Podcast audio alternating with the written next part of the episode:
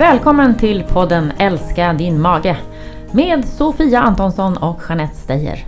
Och Ja. Vi har vår avsnitt 39. 39 får vi be att presentera.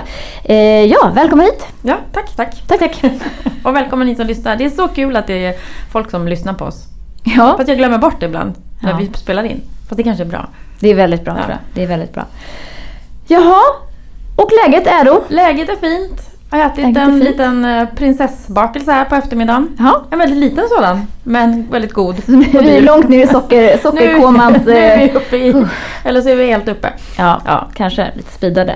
Så. Det hände idag. Annars har det inte hänt så mycket roligt. Jag har jobbat på här. Ja, det du då? är så, så vi gör ungefär. Ja, du, har ju Eh, varit på, du var ju på roligheter i, igår. Jag var på turné igår, som jag ju är ibland nu för tiden. Jag måste ju få berätta om mitt... Äntligen så kom ju min dröm i uppfyllelse att få prata om bajs i radio. Ja, ja. Eh, det var, det var ehm, P4 Dalarna. Mm. Eh, morgonprogram som hade fångat upp en studie om att män sitter i genomsnitt sju timmar längre på toaletten per år än kvinnor. Och då sa du, va? Bara sju timmar? Ja, precis. Ja. Det beror på vad man har för personliga erfarenheter. ja, det Det är genomsnitt. Så det är alltså, några sitter ju alltså 27. Ja, Andra ja, sitter verkligen. bara två timmar Ja, längre. det, vi kvinnor är så enormt snabba. Snabbbajsade brukar. Snabbbajsade, Mm. ja verkligen. Eh, alltså, och då eh, fick jag grotta ner mig lite det här med bajs och hur ofta, hur mycket och, och liksom när ska man göra det och varför måste man lyssna på sin signal och varför måste man gå på den och eh, inte missa toatåget. Det var väldigt bra och det blev en, en bra diskussion på um, deras Facebookgrupp. Ja, vad roligt. Om Många vill- hade synpunkter. ja, Frågor. verkligen. Om man vill verkligen. lyssna på det här i efterhand, då går det bra då? Vet Nej, jag vet inte. Nej. Nej. Men eh, vi- kanske att det finns, vi kommer kanske lägga upp det så småningom. Jag tror inte det har kommit ut i klippet Vi får än. försöka få tag på det helt enkelt. Absolut. Mm. Eh, sen var jag då efter det raskt till eh, Linköping igår kväll och föreläste på Mag-tarmförbundets eh, lilla eh, ja, event där som de hade anordnat. Full sal, massa människor och eh, förbaskat trevligt. Mm. Ja, verkligen. Mycket frågor, mycket intresserad publik. Det är det ju alltid när det är Mag-tarmförbundet. Ja. Eh, vill jag säga då. Eh, och eh, det var väldigt många som hade frågor. Eh, jag fick eh, helt enkelt stå och eh, strömlinjeforma mig själv och skräddarsy mig själv ner till stationen sen. Så jag sladdade in där när det var en minut kvar innan tåget skulle gå hem. Det är det som är så bra med tåg, att man kan hoppa på liksom i sista sekund. Ja, verkligen. Och det var också tio minuter försenat. Jag kan säga det Ja. var min räddning. Annars hade jag varit kvar i Det är det Linköping. som är så bra med SJ, att det alltid är försenat. Nej, jag... Nej!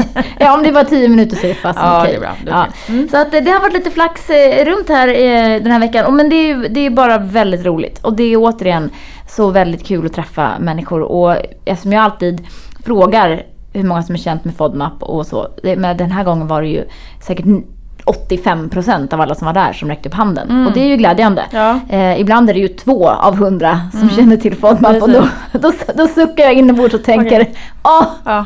så jävla långt blir jag kvar. Men Ja. det är klart, då pratar du till en, en människor som ja, kommer dit för att de är intresserade och, liksom är in, målgruppen. Om man säger så. Exakt, och det, det märks också Mm, väldigt, mm. väldigt tydligt. Så att det, det var jätteroligt. Eh, roligt. I onsdags den 10 oktober så var det ju internationella världsdagen för psykisk hälsa. Mm. Och jag trodde först att det var psykisk ohälsa. Men tack och lov så var det psykisk hälsa. Det var ändå glädjande. Det var glädjande. Ja, Att lyfta det. ja det var det. Och vi ska prata lite om det här relaterat till, eh, alltså kanske inte psykisk ohälsa just, men så oro och ångest kring IBS och FODMAP lite grann nu eh, vad gäller kost och sådär. Men det, det har ju kommit lite mm, enkäter och lite undersökningar på att psykisk ohälsa bland barn och ungdomar då eh, ökar. Mm. Och det är ju, eh, det är ju faktiskt ganska, ganska trist. Det står att på ett decennium har andelen barn i åldern 10 till 17 som fått psykiatrisk diagnos eller psykofarmaka utskrivet då fördubblats. Mm. Alltså fatta, på alltså det är ju ingenting eh, i tid och så många Mm. som faktiskt får alltså antidepressiva preparat förskrivet när man är så himla ung eh, och får då diagnoser som liksom depression, nedstämdhet och så vidare när man är i så ung ålder. Mm. Ja, det är Vad jättetråkigt. är det som händer? Men kan det ha att göra också med att man har blivit mer uppmärksam på diagnosen? Att, att det är därav också en ökad diagnostisering? Eller, eller menar man mer att det är helt enkelt att att det, de yngre mår till stor, stor, väldigt stor del mycket sämre. Jag tror det var det Ja. senare av min fråga där själv, Jo. jag ska svara på den. Ja, verkligen. Mm, men Eh, jag tänker man har det. kanske förhoppningsvis blivit också mer uppmärksam på det här nu. Och det är ju så bra att man lyfter det. Ja men absolut. Eh, Och, och eh, det är ju liksom det är bara intressant att veta varför ökar det här då? Ja. Är det, liksom, det, det har ju kommit en annan studie här på, på sko, att skolprestationen är en, en huvudsaklig eh, orsak till att unga då årskurs kanske 7 till 9 där någonstans känner sig väldigt stressade. Men eh, det är oftast den sociala stressen som leder till psykisk ohälsa. Eh, och det är också väldigt eh, intressant. Alltså tjejer och killar verkar vara ungefär lika stressade över skol, som skolstressen, alltså prov och, och prestation i skolan. Men tjejer mår eh, sämre av, då, av den här sociala stressen. Som tänker jag då. Instagram och Facebook och, och alla de här grejerna. Så att det här är ju inga roliga siffror. Eh, och någonstans måste vi kanske bara börja dra i handbromsen på riktigt. Och fundera på vad är, liksom, vad är viktigt här? Och som du brukar säga, att vi kanske ska prata med våra barn. Ja. Hur vore det då?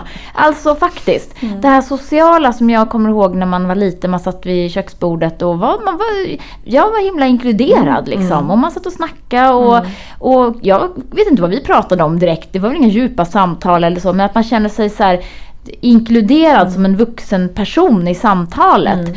Idag så tänker jag att barn är så mycket vuxnare fast på ett annat sätt. Alltså vi, vi kanske inte hanterar dem som vuxna, vi, vi curlar och curlar men ändå gör de saker som är väldigt vuxna. Det vill säga ser saker, klär sig på sätt och beter sig på sätt som, som inte alls egentligen är liksom för den Som de är klara för. Nej men exakt. Så Men jag tror att det här är så himla viktigt att man försöker liksom tidigt göra de här grundläggande grejerna. Att vi, vi äter tillsammans, vi, Mm.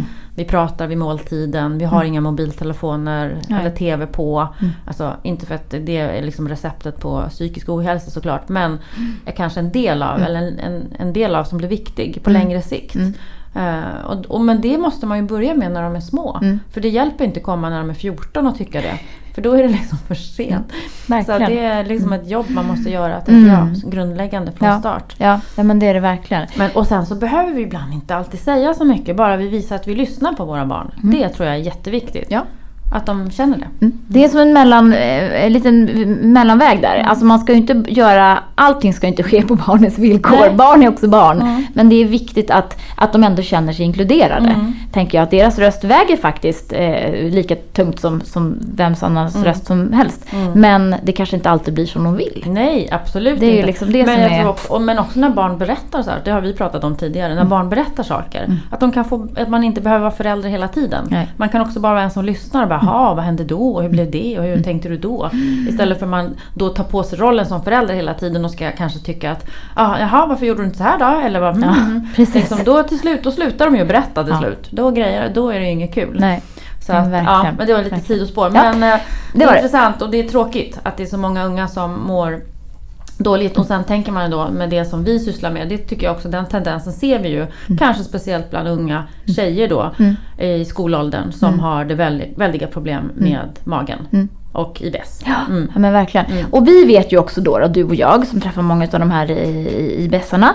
Och när man ska börja äta på ett speciellt sätt och det triggar ju igång saker hos eh, omgivningen. Mm. Och vi har en, många som hör av sig och tycker att ja, nej men liksom, jag har ju avvaktat med det här med, med FODMAP för det känns ju ah, jag vet inte, det känns som att det blir så stort och jobbigt och, Mm. och hur, ja det är mycket funderingar. Men eh, jag vet att du har eh, kollat lite närmare på Ja, men vet, jag, vinkeln där. Ja men precis, den vinkeln om att vad det finns för...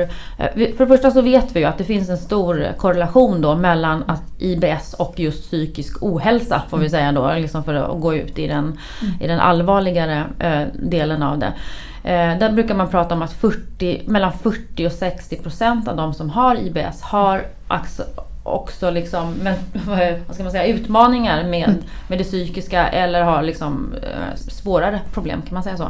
Värre ja, problem. alltså ja, Mm. precis. Mm. Eh, att det finns en koppling där och det är liksom en sak. Och sen så är det också med den här kopplingen som jag tänkte på idag, eller liksom den här vinkeln på det, är ju den här oron och stressen eh, som man kan ha över sin IBS, över olika saker och hur man kan jobba med det. Eh, för man kan ju, man kan ju se det som liksom att man kan titta från två vinklar. Att maten och livs, eller här, maten, hur, när och var och vad du äter påverkar magen, matsmältningen. Och så kan du titta på det från annat håll. Stressen, eh, oron, ångesten och vad man nu har Mm. påverkar också magen.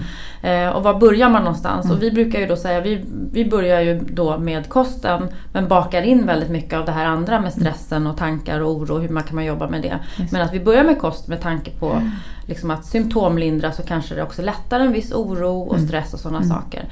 Eh, och att samtidigt om man börjar i stressdelen och det påverkar mag- matsmältningen eh, så vet vi att när då man får symptom så ökar det stressen. Så det blir ju sån här, som den här rundgången då som vi brukar prata om. Mm, mm. Men, men då kan man, liksom, man kan definiera några olika så här orosmoment då. Man har omkring när man har IBS just och det är till exempel det här att man har en oro över vad det är man äter, vad som ska trigga. Och också när man har kunskap om FOD- FODMAP att man kan bli väldigt rädd och, och nej det här kan jag inte äta och det kommer att sätta igång mina symptom. Men att man där, för att liksom dämpa den lite grann, kunna tänka att ja men em, de flesta kan äta lite FODMAP i, i liksom små portioner. Att vi, vi försöker hitta nivåerna. Att det behöver inte bli kaos om man råkar få i sig eh, någonting som är ha, liksom hög, högt i FODMAP. Utan att man liksom, för just den oron kan ju liksom också nästan trigga igång symptomerna. Mm. Utan att man då tänker att ja, men, jag kommer förmodligen klara av det här och så kan det ofta bli så också.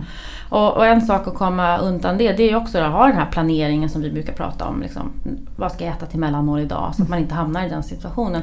Men man, att man inte behöver vara så rädd liksom, för att om det kommer någonting i, ehm, som är i FODMAP, att man kanske faktiskt kan klara av. Och det är just precis som återinförandet också ska, ska handla om. Att man ska lära sig nivåerna. Just.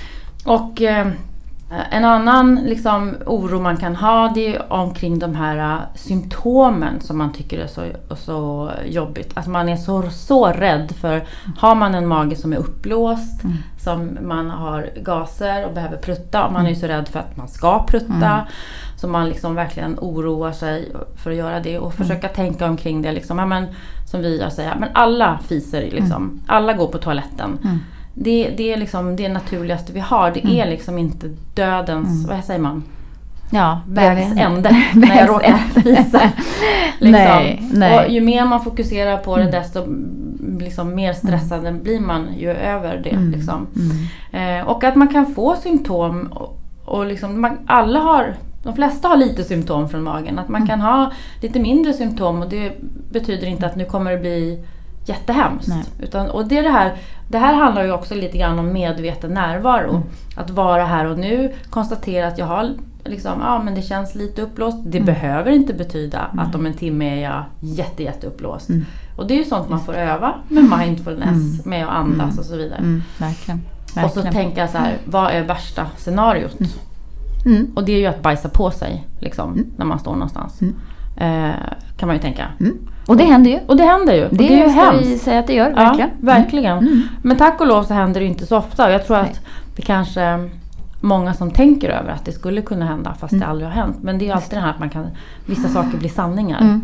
Att man tänker, Exakt. men... eh, Det är där KBT kommer, att den, den här ut, att man utsätter sig, exponeringsfaktorn eh, liksom faktorn och att man också arbetar med positiv förstärkning. Att, ja men nu åt jag det här och det hände faktiskt ingenting. Bra, då provar jag att äta det igen och det händer heller inte någonting. Och sen är det där kanske borta. Mm. Det är ju verkligen så att ju mer man tänker på någonting desto större blir hjärnspöket. Ja, precis. Eh, och då kan man bli väldigt, väldigt Mm. fast. Och där har vi också i det här med att, att fastna i elimineringsfasen. Att det är så här, nej men det, nu, nej nu är det bra här, oj vad bra det är och eh, nej jag behöver inte lägga tillbaka någonting för va- varför ska jag göra det när jag, när jag kan börja må dåligt igen. Precis. Det är liksom vårt Mm. eviga mantra att Mm, mm. det inte riktigt funkar så. Nej, att försöka att Ja. återfå. Mm. Och det är ju precis det, det är ju, därför är ju också kostbehandlingen bra på flera sätt. Just att man kanske, om man får effekt av den, det blir lugnare. Då kanske man också återfår lite självförtroendet omkring att ja, men jag behöver inte vara så rädd för att gå runt och fisa. Och jag behöver inte vara så rädd hela tiden. För det har lugnat ner sig. Nu kan jag liksom börja bygga upp mitt självförtroende igen och liksom lägga tillbaka mat och känna att det funkar. Mm. Från att tidigare kanske bara varit en hel den här kaos eh, totalt liksom bara, gud vad ska jag äta, vad ska jag äta, vad ska jag äta? Till att kanske få lite mer struktur i vad jag Mm. faktiskt kan äta. Så den kostbehandlingen är ju uppbyggd så av flera orsaker som den är. Liksom. Och sen är det också den här, och det hänger ihop lite grann om liksom rädslan för symptomen och det hänger ihop med liksom rädslan för sociala situationer. Att man, och det är ju många som berättar det, att jag, jag säger nej till saker för att jag orkar inte gå dit, Nej. liksom, ha ont i magen och bli uppblåst. Och, och så kan det ju vara och det tycker jag också är viktigt, att säga nej. Men, men om man kommer över till det, att man har kommit så långt så att man aldrig säger ja istället. Då får man ju börja försöka liksom hitta vägen tillbaka. Och, och, och kanske kan ett steg i det vara det är att vara mer öppen omkring sina magproblem. Att faktiskt berätta för sina vänner Ja. och närmaste att jag har så jävla ont i magen och jag blir så uppblåst och jag tycker det är så jobbigt. Eh, liksom, ja, få ett stöd därifrån. Så att, eh, liksom, Eller också vända det till något positivt, att man blir en ambassadör Mm. för eh, det man faktiskt håller på med. Det vill säga, nej, jag kan inte äta det där för vet ni, jag mår så mycket bättre. Äntligen har jag hittat ett Mm. sätt att äta på som faktiskt gör att jag mår bättre i magen. Mm. Va? Vad är det för sätt? Kommer garanterat någon Mm. ganska snabbt i omgivningen att säga då, eftersom som många har precis samma eh, problem. Så man kan också vända det till att man kan någonting och man har äntligen hittat någonting man blivit hjälpt av. Mm, det är ju precis. inte heller liksom så dumt att tänka Ja, så. Det Tvärtom. är jättebra. Mm. Verkligen. Och att man liksom, kan man prata om det så kan man ibland också skoja om det. Ja. Och då kan liksom det bli lite, lite lättare. Mm. Eh, men, men sen är det ju återigen där, alltså vi, vi oroas ju ofta för saker som inte har hänt. Just det. Det här pratar jag mycket Mm. med min mamma om. Ja, precis. Man kan oroa sig för Ja. hur mycket som helst. Ja. Men vi vet ju inte Nej, om det precis. kommer hända. Nej. Förmodligen Mm. kommer det inte hända. Nej. Så, så det eh, var lite om, omkring de här oro, eh, olika saker man kan oroa för, sig Mm, för. Och sen är det någonting som, som en del också får höra det här men att liksom, och, och också om man inte har förståelsen för IBS och sjukdomen där, men det, är, ja, men det sitter ju bara i huvudet liksom. Mm. Vad, vad är det för fel? Det. Ehm, och då finns det ju faktiskt ganska mycket argument för att nej, det sitter inte bara i huvudet. Och man har liksom, där har man ju forskningen med sig om man säger så. Att liksom, nej det, det är saker som påverkar, som kommer från huvudet. Mm. Men det sitter inte i huvudet. Nej, det är liksom precis. en, en Nej. väldigt eh, stor... eh, Det är som en liten nidbild Ja. skulle jag vilja säga. och till och med att man Så. kan få, liksom, kanske inte så mycket mera i, i, jag hoppas inte det, i vårt land, att man får höra till och med från vård och sådär. Mm. Att, ja, Nej. liksom, det sitter på huvudet. Jag hoppas att de flesta ändå idag vet. Vi, eh, vi hoppas, vi jobbar ju nämligen för det. Ja. Väldigt hårt. Sluta säga det till patienterna, Ja, tack. Ja, och, och liksom känner man sig inte väl behandlad, då får man söka en ny kontakt. Ja, så. Hej svejs. Nytt om rödbetsjuice. Åh, vad spännande. Ja, jag gillar det. Rödbetsjuice. Mm. Min mage gillar inte rödbetsjuice. Nej. Nej. Rödbeta är ju en hög FODMAP-grönsak. Ja, ja, I alla fall i icke inlagt tillstånd då. Precis. Mm. Men det känns som att man blir, man blir stark Ja. av rödbetsjuice. Jag blir li- dock får lite halsbränna av råa rödbetor. Ja. Jag får någon sån här konstig känsla i halsen. Ja. Ja.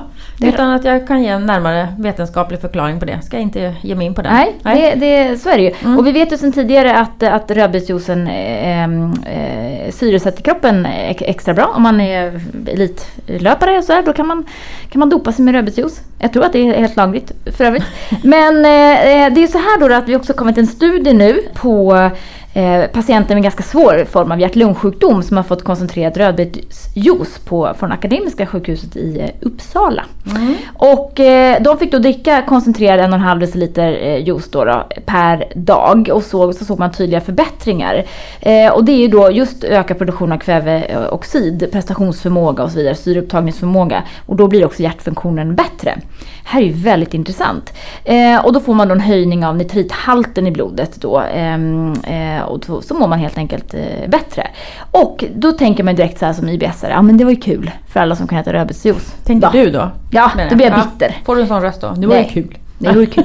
Nej, jag, jag blir faktiskt inte bitter. Eh, men eftersom jag har rödbets, jag tar ju höjd för min rödbetsjuice i min hink nämligen. Ja. Så det Ah, bra liksom, så tänker jag. Mm. Men då finns det ju också andra nitritrika grönsaker. Eh, och där blir det ju Nitrat. intressant då. Förlåt. Förlåt, nitrat eftersom det omvandlas till nitrit i blodet. Och då har vi broccoli. Ja. Och eh, rädisor och spenat och mangol och rucola.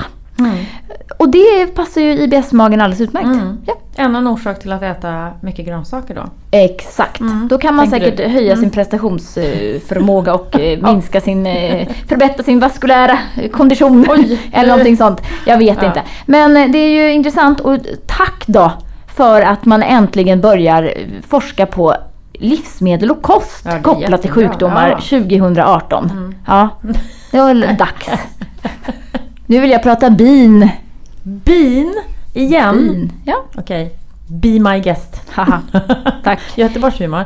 Ja. Alltså, får jag göra det? Jag Ja, måste gör det. bara. All, jag är ju väldigt eh, emot eh, glyfosfat, det här hemska bekämpningsmedlet som används inte jättemycket i Sverige vad jag förstår. Alltså det är ju ett, det är ett av världens mest använda bekämpningsmedel och det ingår ju vad jag... Eh, det, det är väl företaget Monsanto som har eh, Oj. Tagit fram Ja, detta. okej. Eller så. De Mm. används, det används mycket i USA i alla fall. Mm, mm, Nu har man då sett att bidöden finns ju, den existerar ju. mm. Stora eh, mängder bin dör ju framförallt i, i USA och i, i Kina för de har ju så superstora liksom, biindustrier där då, då. De har bara dött. Av liksom, alltså, vissa år så dör bara en massa bin och man förstår liksom inte vad det är för någonting. Ja, det här har man väl uppmärksammat nu senare år Mm. för att man, det är så fruktansvärt om de dör. Det kan betyda mycket Ja, alltså alla. det är också vissa som hävdar att det inte alls då så att hela Okej. världens befolkning är beroende av, Nej. eller ekosystem är Ja, beroende av bin. Du såg, jag har Ja. gått på någon headline där. Ja. Men det är ungefär som att klimatförändringarna, människan har inget att göra med dem. Nej, Alltså, okej. det finns två läger. Jag Ja. säger inte det ena eller andra här. Jag säger bara att det finns två läger här Okej. också. Men då är det så här då, att ehm, man ser att forskning visar visar att glyfosfat, då, då bin som får i sig glyfosfat får en förändrad tarmflora. Jaha. Det var den kopplingen intressant. du ville komma till. Jag Ja. tänkte så här, hur ska vi relatera den här till vår Precis. Älskar din mage-podd? Ja, och då, Där kom den. då är tarmfloran. det så. Ja, tarmfloran såklart. Och då är det, bina har ju massa bakterier i sin tarm. Det är ju det som också de spottar ut när de gör honungen. Så blir den liksom ett, ett probiotiskt eh, preparat. Mm. Eh, och eh, då menar de här då att de, de ser att, att glyfosat minskar mängden av en, en, eh, en väldigt känd bakterie som heter Snodgrassella alvi. Oj då, Ja, just den. Ja. Mm. Och då blir bina mer mottagliga för dödliga infektioner. Ja. Rubbad Eh, tarmflora. Ja, precis. Och, och sen diskuterar de det här. Ja, men hur många bin eh, blir egentligen utsatta för de här infektionerna? Alltså det är kanske inte hela sanningen. Men det är i alla fall en del. Mm. Kan vi sluta använda glyfosat? Ja, vi, vi ska försöka. Jag Ja. lovar. Det var ett bra inlägg. Ja. När vi ändå är vid, den, vid, vid dina älskade bin. Ja. Honungen, nu, om man ska relatera också lite till FODMAP. Mm. För att honung är ju en av de här rödmarkerade. Men Mhm. det finns ju viss honung som kan gå bättre. Som inte innehåller så mycket fruktos. Jaha, det och är det vita. är den Vita fasta. fasta. Mhm. Precis, så vill ni satsa på någon honung, den vita fasta. Och då blir det ofta den svenska. Eller hur? Ja. För den är ju ofta så. Har en nyslungad burk hemma i köksskåpet Åh. förstår du som jag går och, och snaskar lite på då och då. Det är så gött. Testa lite. Ja, eh, precis. Ljus och fast och alltid svensk. Ja, Tack. Fint. Inför halloween då så är det häxan här i rummet som ska prata om pumpor. Lite tidigt för halloween. Nu apropå ljus och fast och gärna svensk. Som du sa till honungen. Då kan man ju säga om pumpan att den inte alltid är svensk. För vi äter nog pumpa eh, inte så mycket som man gör i andra länder. Där har man väldigt många olika typer av pumpor. Ja, men vi har ju börjat äta lite mer pumpa, tycker jag mig skönja. Var odlar man pumpa? Man kan odla pumpa på väldigt många olika ställen. Va, vad var det här för en klimatfråga nu? Jag har ingen aning vilken växtzon. Jag vill veta över redogörelse över själva transporten jag av pumpan. till- Nej men alltså jag säkert tänker bara, det odlas ju som i, i alltså pumpa går jättebra att odla hemma. Det vet ja, jag. ja, men det kan man Ja. odla i vår växtzon. Men Ja. jag tänker också lite längre ner i Europa så odlas det en del. Spanien vet jag att de odlar en del pumpa. Mm. Och man äter väl mer pumpa framförallt? Ja, det gör man också Mm. eh, i vissa delar. USA är ju ett väldigt känt och tror jag Sydamerika också har känt eh, pumpa. Där man Mm. äter mycket pumpa. Just Det finns ju några sorter som är FODMAP-vänliga. Det är Hokkaido, den lilla pumpan. Den som ser ut som den här stora halloween-pumpan. Fast en liten variant på den. Mm. Den är ju eh, grönmarkerad. Den kan man äta med skalet på. Det är precis det man kan. Ja. Den är helt suverän att tärna och eh, lite olivolja in och baka i ugnen. Alltså i små bitar. Med skal på. Man får bara se till att tvätta den ordentligt då. Mm. Eh, skal på och så kan man när den kommer ut, lite salt och peppar och sen när den kommer ut så strör man fetaost. Mm. Eh, och så kan man strö i någon eh, kryddört och så vidare. Det bjöd du mig på, Ja. på en av våra första dejter. Gjorde jag? Hemma i ditt hus. Ja, det var därför du blev så kär i mig. Ja, det fick jag, fick jag eh, Ja. ver- verkligen. Det här är en Mm. av mina favoriter, återkommande. Jag tycker den är helt suverän. Och pumpa är ju, alltså det går ju bra att använda i så mycket olika saker. I grytor, in i ugnen, i en lasagne, i eh, liksom whatever. Eh, som ett mos, eller vad du vill. En soppa, en paj. Eh, man kan göra många saker. Men den är en av de som är FODMAP-vänliga. Sen är det ju butternut. Ja. Är också det. Och den ser ut lite mer som en eh, eh, liksom avlång, som en päron. Päronformad kan man säga. Ganska Kalebass. stor. Kalebass. Mm. Eh, och den är ju också, det är, alltså pumpa och squash är ju i samma familj. Mm. Om man säger att mera över i squash zucchini då är det liksom det lite mjukare skal och så pumpa då liksom över och lite hårdare skal. Mm. Så den är ju egentligen, butternut squash brukar ju den faktiskt också heta. Den Mm. är också okej, det är den är gul markerad. Ja, den är gulmarkerad. Ja. Mm. Eh, Så den går ju bra för de flesta i eh, begränsad mängd. Mm. Och sen så har vi även spagettipumpa Mhm. är också grönmarkerad. Ja. Och den är ju faktiskt, har har du ätit den någon gång? Den Never. är jätterolig. Jag är ingen pumpafantast ska jag säga. jag har Nej. ätit den och den bakar man i ugnen. Alltså man kan halvera den, Mm. tar ut kärnorna och sen så bakar man den i ugnen. Och sen när den är färdigbakad och då tar du en sked och så drar du liksom ut och då blir det långa spaghetti. Den kommer liksom ut i trådar, färdigt. Ja, det är som Oj. magi Jaha. kan man säga. Eh, och det kan, du ha, det kan du göra som en spaghetti eller tillbehör, liksom lite Mm. olivolja, salt och peppar eller smaksätta. Men bara i sig själv tycker jag också faktiskt att, att den är god. Wow. Ja, och Mm. kärnorna kan man ju faktiskt också, om man är lite pillrig då, det brukar jag inte göra. Nej. Men man kan ju faktiskt eh, spara kärnorna och rosta dem pumpakärnor. Ja, och det äter jag ju Ja. jättemycket av. Så det borde Mm. man ju faktiskt göra för att ta hand om hela, eh, hela frukten eller säga, grönsaken. Mm. Men de här stora liksom, halloweenpumporna, Ja. de käkar man ju kanske inte, eller? Nej, alltså jo man kan ju äta. Det finns ju, man ska ju inte köpa de, de som heter prydnadspumpa kanske och börja koka dem. Det gjorde en sydamerikansk väninna till mig när hon flyttade till Sverige en gång. Hon Ja. tog fel. Ja. Hon kunde inte svenska. Hon bara, prydnadspumpa? Hon fattade ingenting. Det luktade inte gott. Nej. Ehm, men, Men det, för det är också min känsla, de luktar ju väldigt Ja, konstigt när man ska gröpa speciell- ur det där liksom. Ja, det kan vara. Ja. Och där tänker jag att Hokkaidon, om man inte är så här van med pumpa. Hokkaidon, att börja med den lilla, Mm. rosta den i ugnen med skalet på. Man Just det. Ja, den är, med fetaost och sådär, den är väldigt smarrig. Det är, det är en bra start om man inte är pumpavan. Mm. Just det. Massa vitaminer, C, A, betakaroten, Mhm. eh, kalium, folsyra. Mm. Och, och butternut pumpa är ju då max 60 gram. Det är så. Ja, Bra. det är så. Då har vi satt det på plats också. Exakt. Det var det jag ville säga om pumpa. Vi kan återkomma. Ja, och vi har ju jättefint pumparecept i eh, vegokokboken. Lugn mage med grön mat. Där har vi en faktiskt väldigt god pumparisotto. Ja, Den är fantastisk med lite chèvre på. Så den är söt och god. salt och tranbär. Ja. Den ska jag göra i helgen. ja, bra idé. Faktiskt. Mm. Mm. Det var allt för idag. Var det så? Men alltså det gick så snabbt. Ja, Vad var det som hände? ja det var en podd som hände. Ja. Vi pratade fort igen. Ja, ja. Vi ska ut på sjön. Ja, gud. Det blir jätteroligt. Ja. Eh, Vi ska på kryssning med ICA-Kuriren.